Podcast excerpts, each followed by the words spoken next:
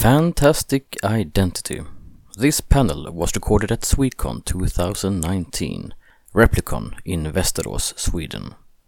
The participants are Annalee Newitz, Charlie Jane Anders, and it is moderated by Marika. Svekon-poddar. En poddradio från svenska science fiction och fantasykongresser.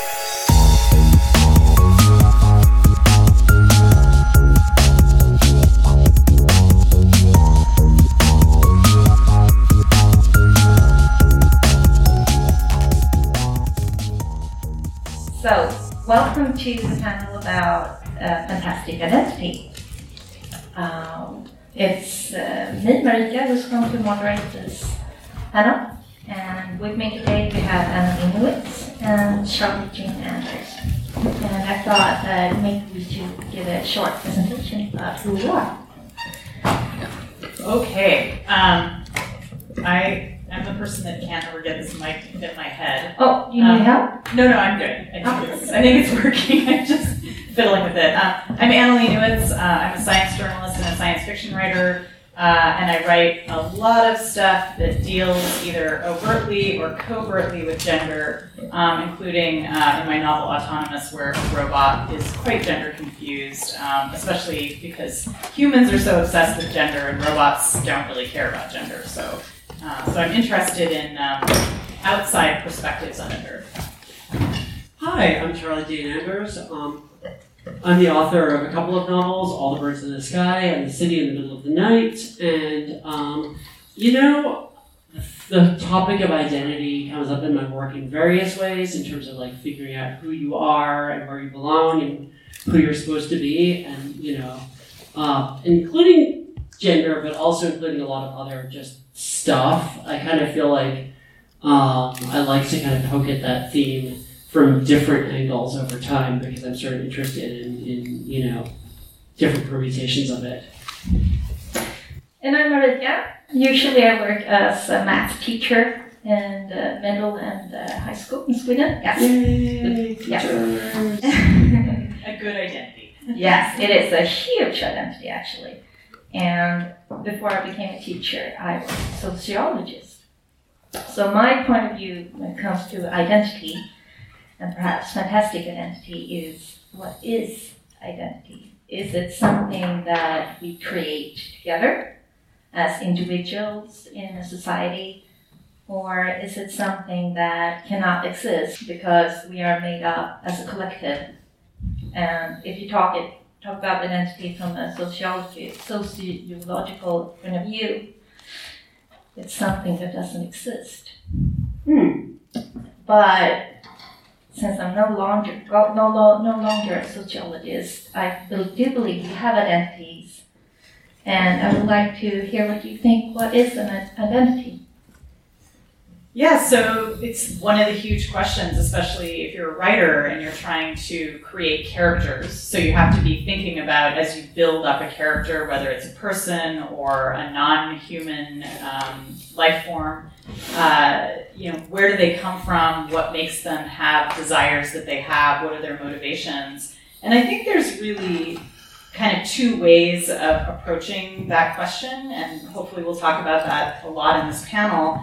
Uh, one way is that uh, people or aliens or fairies or whatever it is are kind of born with uh, certain kinds of desires and needs, and they kind of throughout their life pursue those those desires, whatever they are. um, like sort of like uh, if you build an artificial intelligence and you give it one goal. Uh, there's certainly a school of thought that thinks that that's what people are, and that people are kind of born with one goal, and the goal is to survive, or the goal is to procreate, and that that's sort of what our lives are all about.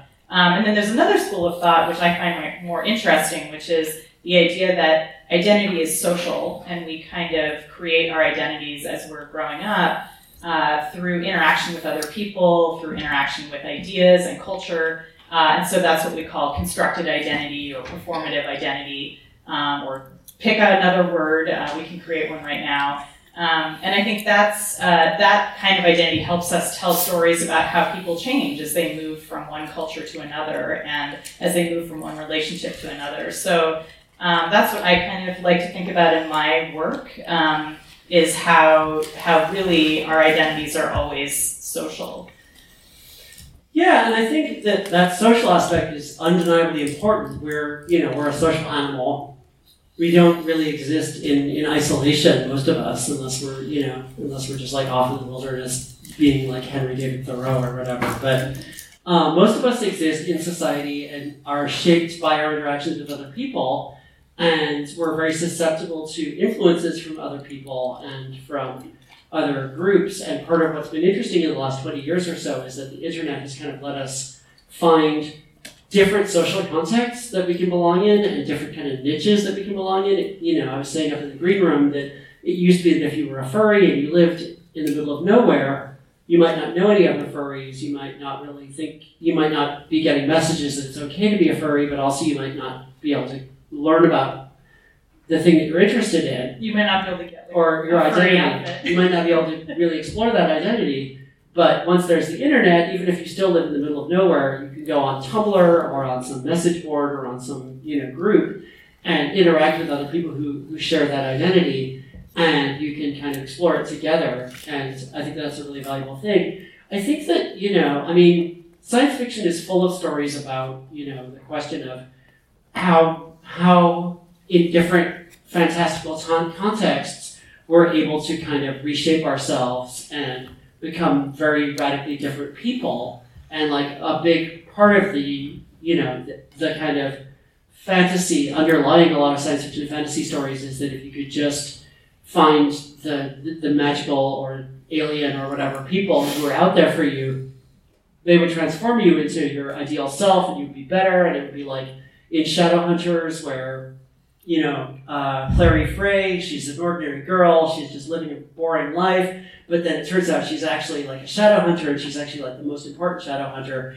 And they find her and they bring her into their group and they give her leather pants. and she has leather pants and then everything is better. And, you know, that's like her arc is towards leather pants. And, um, you know, That's like a great constructed identity. and, and it's, it's you see this over and over again. Harry Potter, you know, Luke Skywalker, you know, part of what we all fantasize about, and what part of what the wish fulfillment in a lot of these stories is, is getting to claim a self that is kind of larger than life and more exciting and just more thrilling and authentic in some way than the kind of boring persona that we're forced to inhabit in, you know, boring town, you know, Earth, uh, wherever we live. Um, and there's also the kind of, there's, but there's also the thing in science fiction of like, if you take someone out of their context, if you if you rip someone away from where they belong, if you put someone in a, a, a radically different situation, do they just become a completely different person? And often the answer is yes.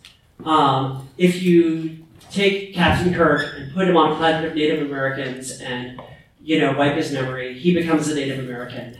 Um, and that one a terrible episode.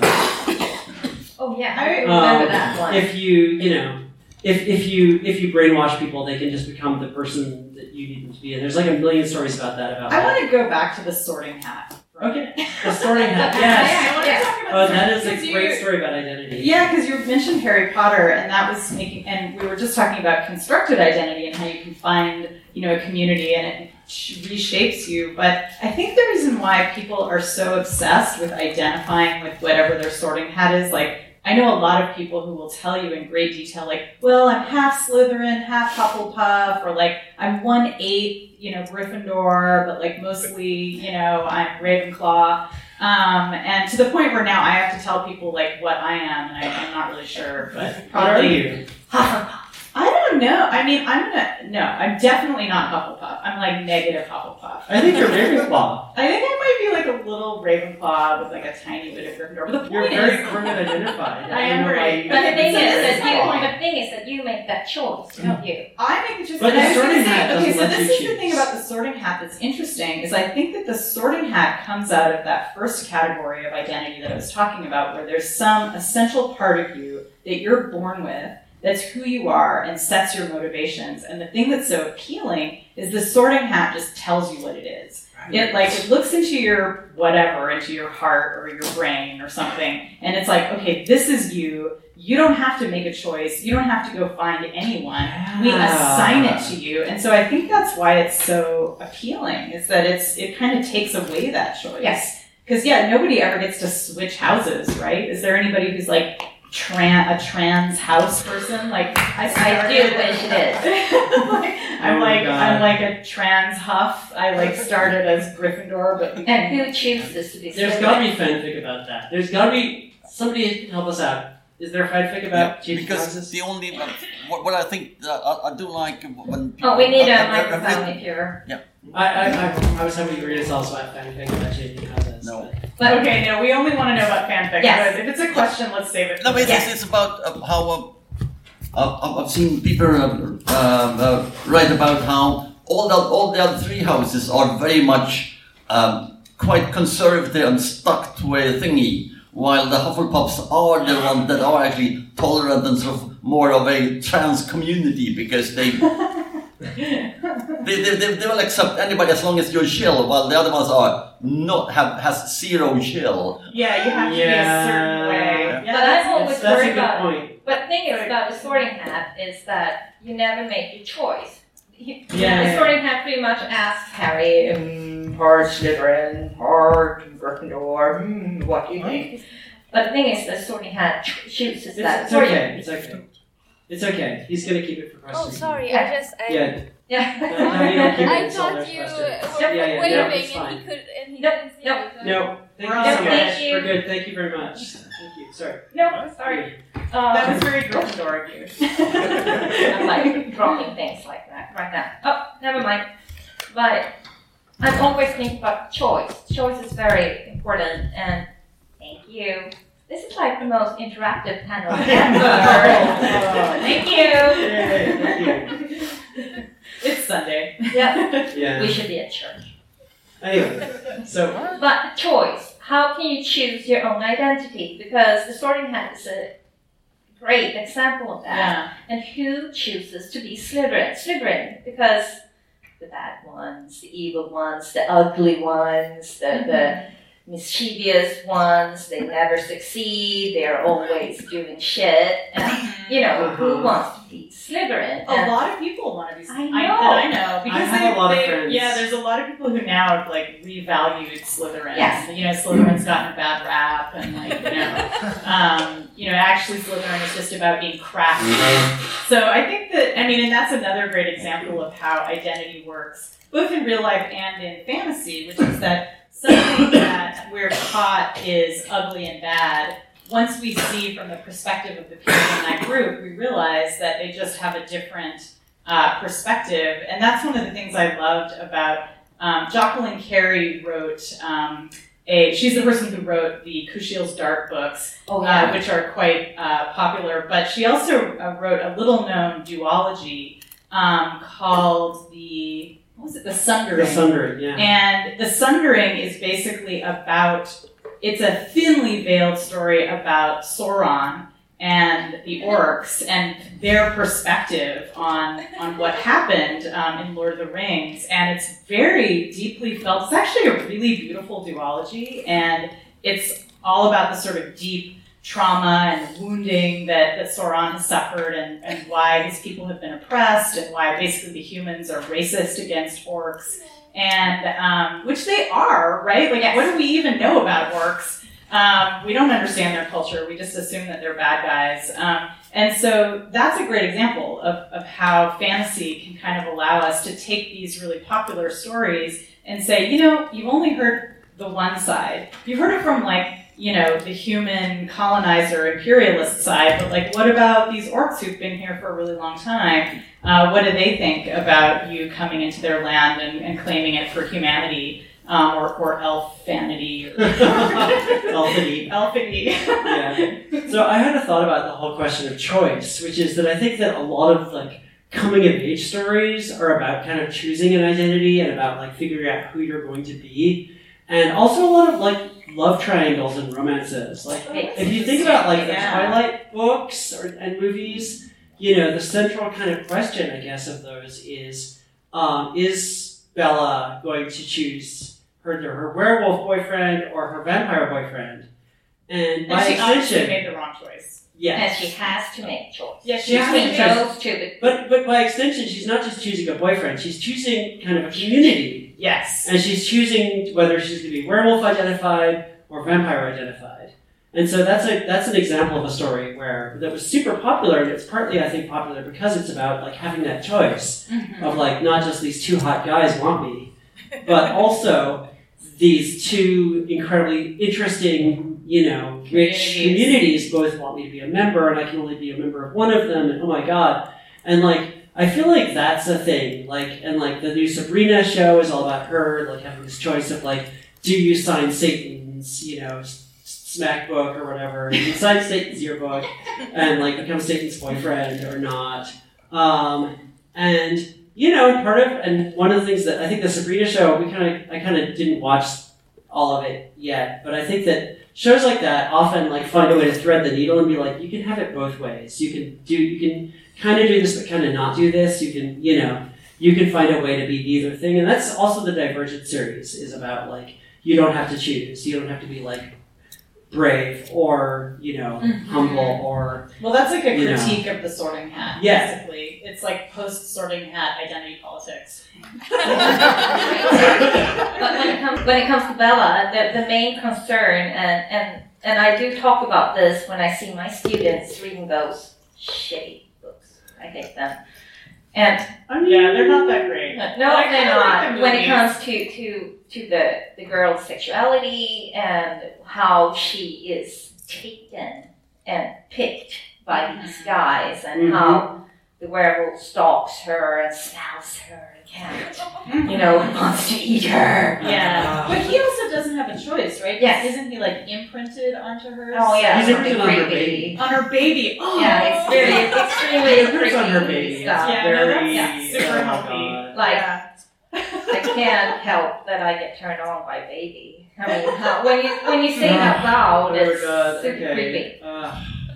Yeah. And and Why? but also maybe it would be better for Bella if she could have them both. Well, yeah. I mean, The mean, vampire I- I werewolf like- family ish ish. Yeah, no, I I want know. to see like a polyamorous, like vampire, Yes. werewolf, human situation.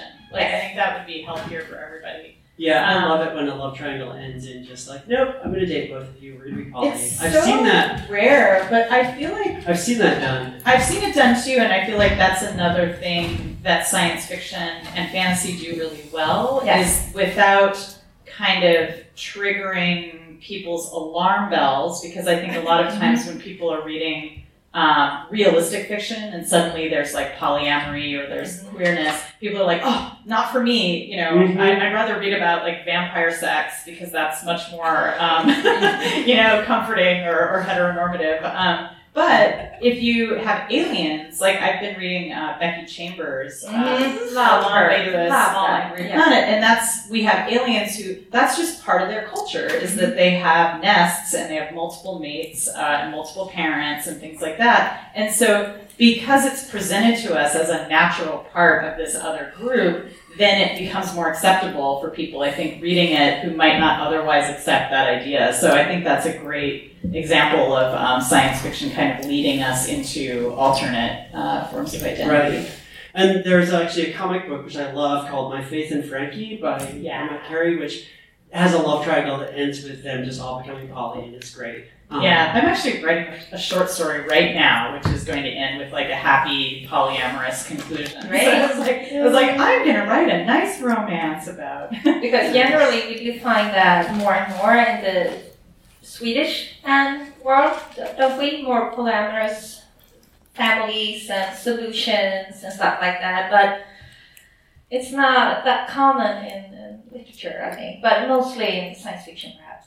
I think Yeah. yeah, I think it's it's again because you have an alien society. And I think this comes back to easier to accept it. Yeah, and I think it comes back to what we were saying about the idea of community setting and identity, right? So if you can create a community that has different norms, suddenly it's more acceptable because in the context of the story, uh, we understand, oh, well, this is just what's normal in their society. And so it doesn't feel as um, disruptive or subversive.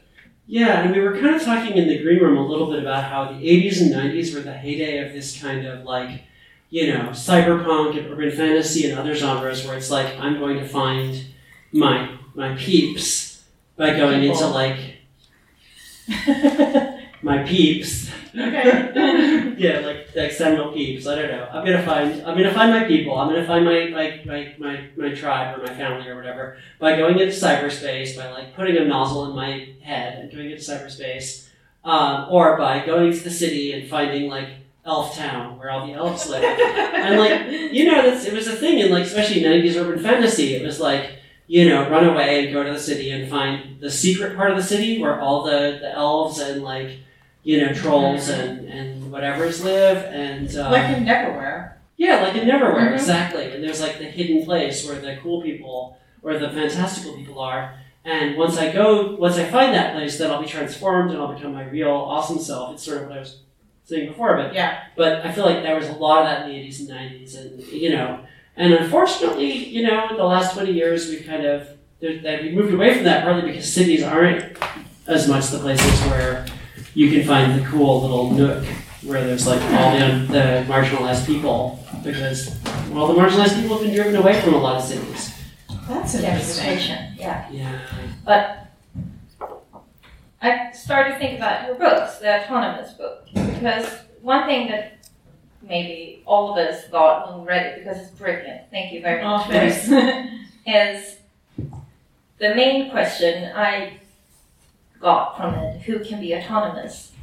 And maybe it's the, the beginning of the book when you talk about selling and buying babies or robots or, Mhm. or and, and the trauma to take how you get trauma if you're a baby and you're socialized into being an obedient slave and, and Mhm. so how can you be truly autonomous if you're a human and we do live in this society and I think that is a fresh take on it and how we can think about it because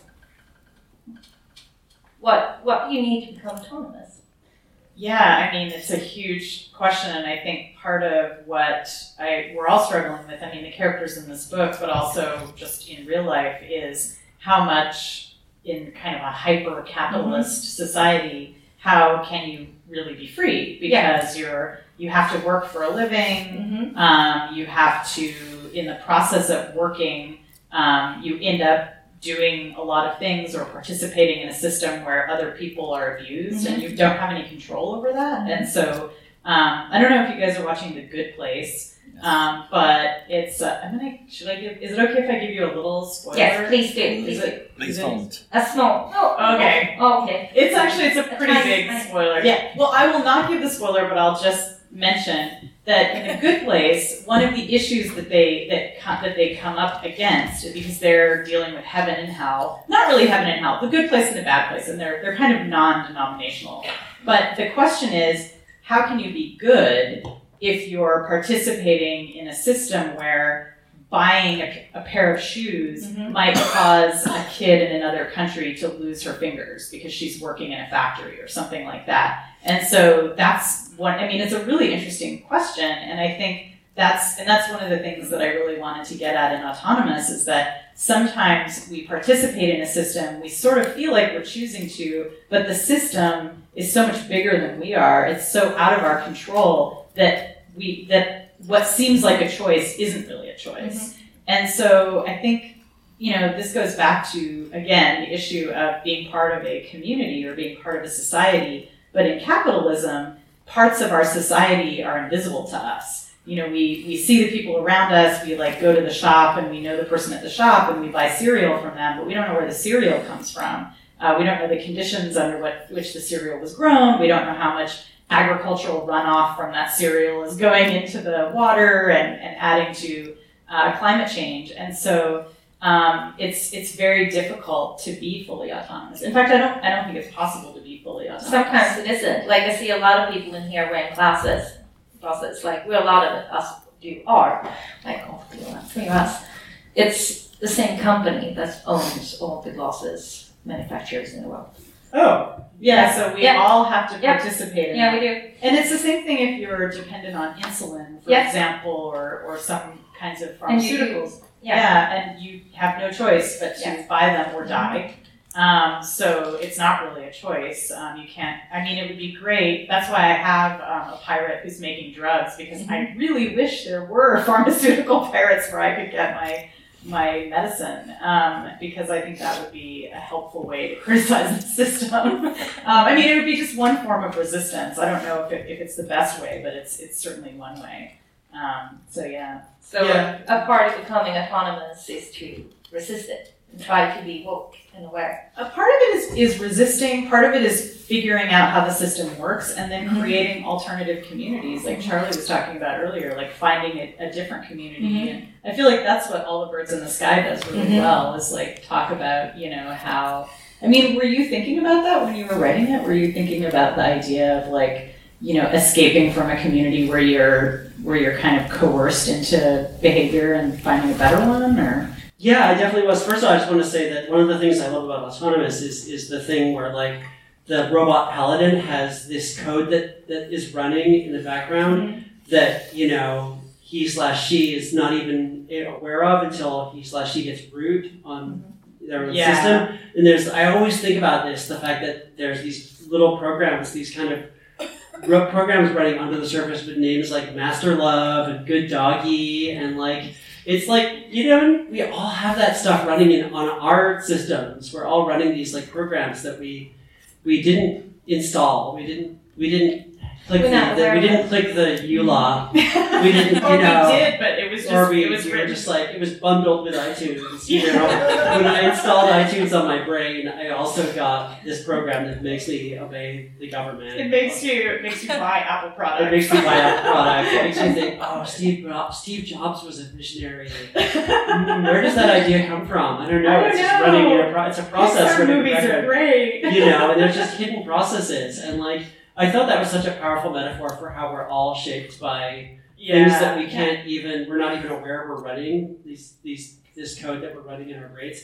But yeah, in terms of like all the birds in the sky, uh, something that I thought about a lot, which I've talked about a lot with that book, is that this idea that you know, that both the main characters, Lawrence and Patricia, are stuck in the middle of nowhere. They're living in kind of rural Massachusetts-ish area in America, in you know New England, and uh, they're both kind of alienated, uh, which is something that I identified with a lot when I was that age. I felt very alienated and like there was nobody else like me. I had a couple of nerd friends in, in middle school, junior high school, but even them I wasn't really close to, and we weren't on the same wavelength. Um, and so you have these kids who are kind of isolated and kind of like don't know anybody else like them. Like Lawrence is like Lawrence is this mad scientist who's kind of weird even for nerds. He's like even among nerds, he's a weirdo. And um, Relatable. Patricia is, you know, a witch, and she doesn't know any other witches, and she's kind of stigmatized for, you know, trying to practice magic in this small town. And both of them are just like, if I could just get away, if I could just grow up and escape and go to, you know, the big city, or if I could just find my own people, if I could find the other mad scientists and the other witches, my life would be so much better, and I would be free, and I would have control over my life, and I would be able to be the person I'm supposed to be. And what happens with both of them is that they, it, this is actually kind of true, but it's not the whole story.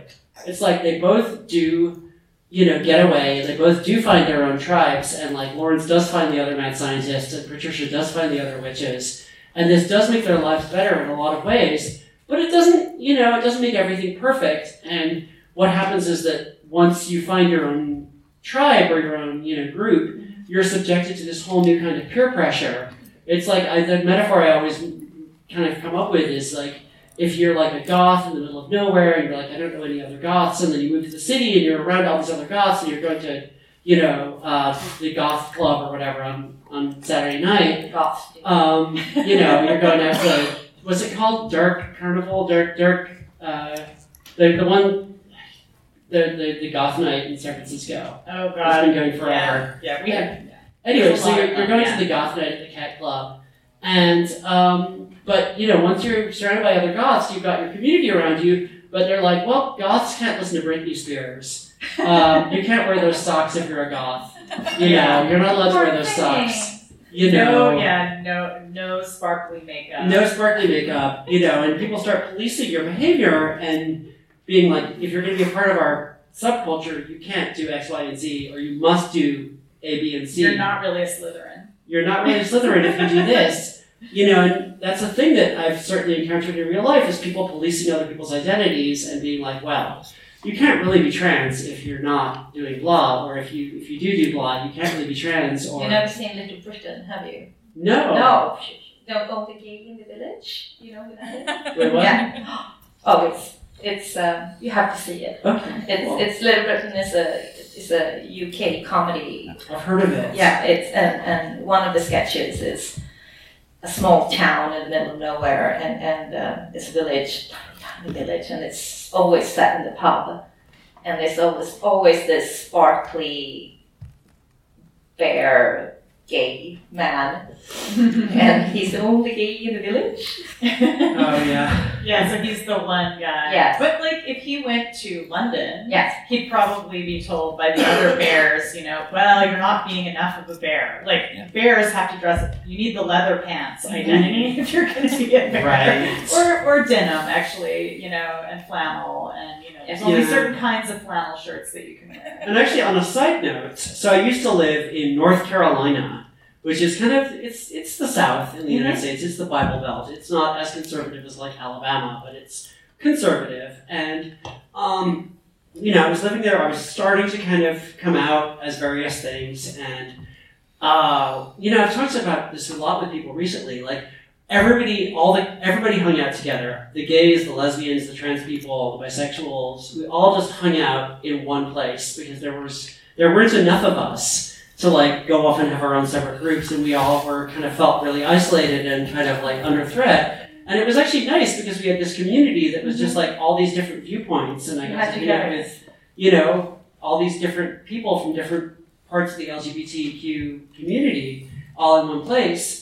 And then I moved to San Francisco where there's a billion queer people, and you know everybody's like super segmented. You know, uh, even among gays, there's like the leather community, there's like the bears, there's the you know denim, whatever, there's the Mhm. Castro clones, and like the trans the people definitely clones? don't. We need to talk about that. What's a Castro club? Castro clone is Uh, yeah, it's pretty much a guess. So, what it so is. the Castro is a neighborhood in San Francisco. It's like the old, it's the traditional gay neighborhood, and now it's just become kind of touristy and awful. Now it's a, a touristy neighborhood for very rich gay men. right. no, And the identity. But is so the rich Castro, the, Yep. the Castro the clone, identity is you go to the gym, you you- work out like twelve hours a you day. you look straight. You have like swishy, nice hair. yeah, nice hair, but it's it's kind of a straight acting, uh, upper middle class gym going. So it's a subculture. It's a it's It a is. subculture, and people call it Castro clone because it's sort of like a generic gay man from like circa nine, cir- circa two thousand five or something Right. like that. But anyway, so so but it's more much more fragmented, and nobody nobody talks to anybody else. Like nobody nobody actually communicates. Anyway, that's a that's a huge digression. I apologize. but we all learned about Castro clones. Yes, that we was did. Valuable. Not Always clones of learning. Fidel Castro. Yeah, no. That would be a the different sorting subject. hat has put you into Castro clone. We do love it. Yeah. Uh, up in the green room, we started started to talk about alien sex, and what you don't know perhaps is that we had panels in the past about alien sex that were Ooh. huge success. Did you listen to it, someone? Yeah. Oh, couple of alien sex. Yes, it Yeah, was great. It was nice. great. Nice. last year?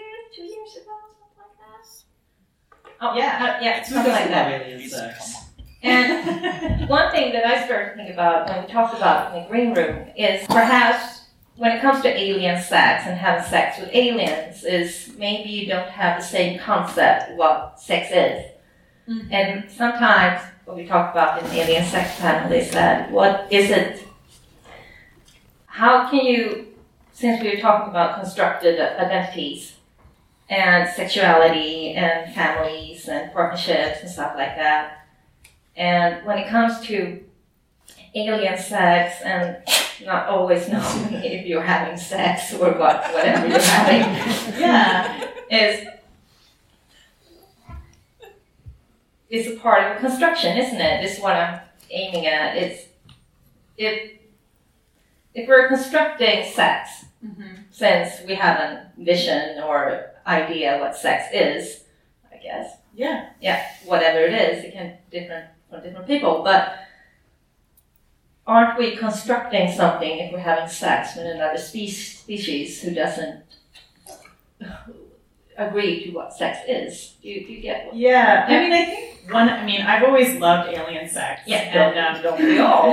don't we all? And I, I, I learned about sex from science Yes. fiction. Um, I, when I was growing up, like most of my knowledge came from reading um, things like John Varley, uh, who wrote a series about these aliens called the Titanides, who are centaurs who have 3 Mm-hmm. sets of genitals, and they can have sex. Sounds nice. It's great. Um, everyone loves it, and they can have sex in like I think twelve different configurations with different numbers of them. And there's actually in the in the beginning of one of John Varley's novels, there's a chart showing all the different Oh sexual God. configurations. Oh, and for oh, that is me, so nerdy. as like a high school student, I was like, yes, okay, this explains everything. This is- So we're gonna roll I a need. d20. Yeah, roll a d20, figure out which genitals you're going to use. So,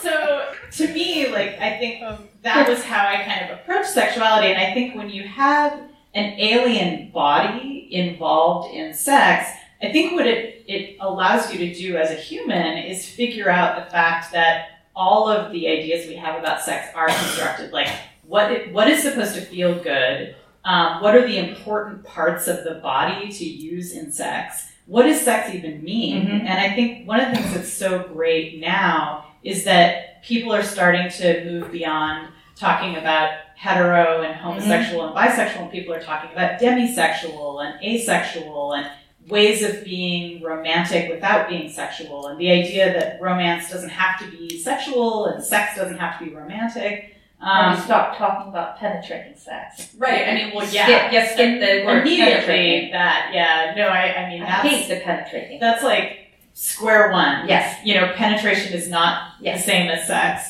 Um, and so I think that's what is so delightful about so much alien sex. And it goes back to things like, um, you know, H.P. Lovecraft, for example, where you have tentacle sex. Um, that's kind of, I think in, in the West, that's kind of the origin of tentacle sex. I mean, obviously in anime, you could talk about tentacle sex forever. Um, that's a different tradition, but they're kind of, I'd say it's convergent evolution, right? It's, it's two cultures thinking about the same question, which is, um, what what are other ways of imagining sex if you don't have genitals? Or like what would be a really cool new kind of genital to have? Yay tentacles. They can you know they can do whatever you want. They can be they can penetrate. They can be penetrated sometimes. They can have little eyeballs on the end. Like whatever you want. Um, you know they can they can do. And i think um, and i think that that tentacle fantasy comes up again and again because it's sort of a way of about bodies becoming more fluid and different parts of the body becoming eroticized. And um, and so I think that's part of the delight in imagining um, in imagining alien sex.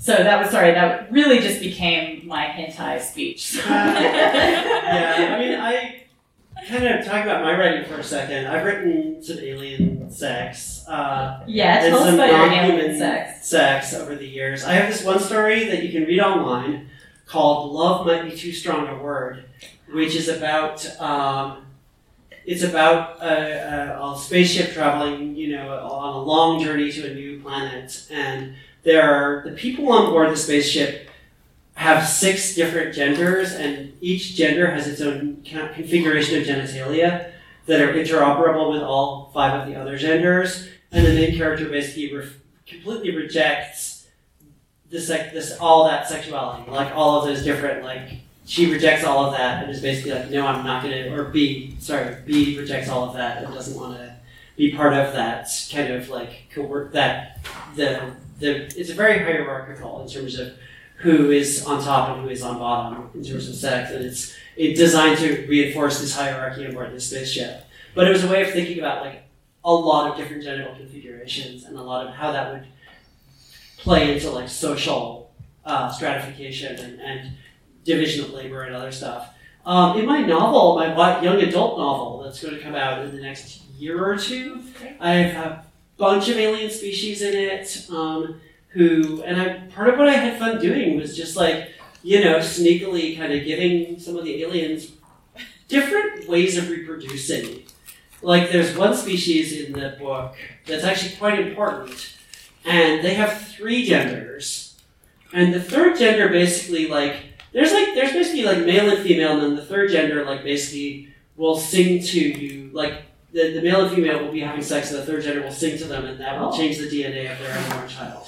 It's sort of Octavia Butler style. Yeah. Yeah. And uh, but there's also a species in that book um, where basically they're rock people, and when they want to make a baby, they go around until they find some rocks that look nice, and then they kind of inject a bunch of them inject their DNA into those rocks, and then the rocks kind of grow into. They keep adding more rocks until they have a person. One of, I, I've read an early version of, of Charlie's new novel, and um, one of the things that's great is when the aliens introduce themselves, they always say their pronouns. So they'll like, "Hello, I'm Bob. My pronoun is blah." And one of the characters introduces introduces um, itself, and its pronoun is fire. Yeah. So fire introduces fire self. Yeah, that's not in the new version, but it's, Oh, I'm, I'm so gonna. good. Fire is gonna probably be in the second book. I'm Okay, good. put fire in I was like. I, I want that to be my pronoun. Yeah. I, I, I, I want a T-shirt that says my pronoun is fire, but you know I couldn't make it work. I couldn't fit it into the first book anymore. But Okay. The second book is gonna Spoiler for the it. second book. So there's gonna be a character whose pronoun is fire in the second book. Thank you so much. It's such a delight to moderate you, but Should I'm- we I'm- have audience questions? Yes, and we're trying to wrap this up first, and then we'll take the questions. And we talked about we can be autonomous. We've talked about gender, identity, and we also talked about uh, Alien sex. having a- alien sex, of course. Most alien importantly, we talked about Twilight. yes. Most And the important. sorting hat. We do Post- not like Post sorting hat identity Yes. politics. And what I would like to say is thank you very much. yeah, thanks Thank for you for Yeah. moderating. You're so Oh, amazing. thank you. Thank Thank you. Yeah. Ooh, questions. Questions. Hey, Oh, in the back. in the back, with- over there. with the- Green sleeve. Oh, careful. Run, David, run. Uh, I have a, sort of a philosophical question about the entire relationship between uh, uh, what you call well either autonomy or freedom, and you can say on one hand freedom from a system, say well any system you happen to live with, and on the other hand freedom from social constructs and from our social obligations. Say, will you ever be free and would you ever want to be free from all your social obligations? Because that would also mean being free from having friends and being free from having families. Because as you pointed out, we are sort of different people depending on who we, inter- we are interacting with. But uh, we also are social creatures who thrive on interactions. I have, Yeah. I have a quick answer, and then you can get a longer answer. Uh, sorry. Uh, is that okay? The quick answer is that we have people in the real world who have achieved that level of freedom, and they're the super rich, and they're mostly monsters. Um, I don't think that's true. Okay. Um, I don't think you can be rich without a social system. So Oh. I would say that um, it's interesting to think about how uh, during the Middle Ages, uh, particularly up here in the north, uh, the worst possible punishment for anyone was exile, being kicked out of the community. Uh, and it meant pretty much certain death. Um, but it also could just mean, you know, endless loneliness. Um, there's a really famous poem in Old English called "The Wanderer," which is about a person who is sent away from their community and how horrible it is. Um, and so I think that there's we have this romantic idea of freedom where you can be unconstrained or you can be super rich and no one can control your behavior. Um, but I don't think that's possible without it being something like being in exile. Uh, I think that's a, a state of um, you know horrible uh, sadness. Um, so I think maybe the problem is we've been defining freedom wrong, um, or we we don't you know we don't really know what we mean when we ask for freedom. I think that you can be in a st- you can be in a in a system where you're given a choice over what your role might be, and you can maybe change your role over time, and that that's a kind of a freedom that we can achieve. Um, but I think true and absolute autonomy um, is horror. Like that, that is the true meaning of horror, and that um, and that you know what we need is a social connection which is flexible and which is um, you know open, and so we can we can play different roles and, and switch when we need to. Um, but I, I certainly would not want to be fully autonomous. I think that sounds well, like I said, it's it's horror. That was amazing. Well, I, mean, I understand saying that the rich suck. Yeah. mine was mine was glib. Yours was really well, I thought about it a lot. Yeah. Thank you so much. Yeah, thank you thank for you. coming and thank you for Yeah, thanks for having us. Thank you.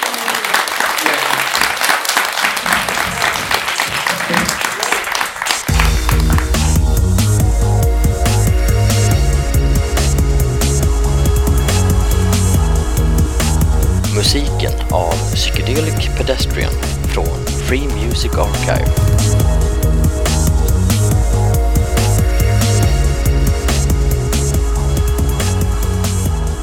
Besök gärna vår hemsida på svekonpoddar.se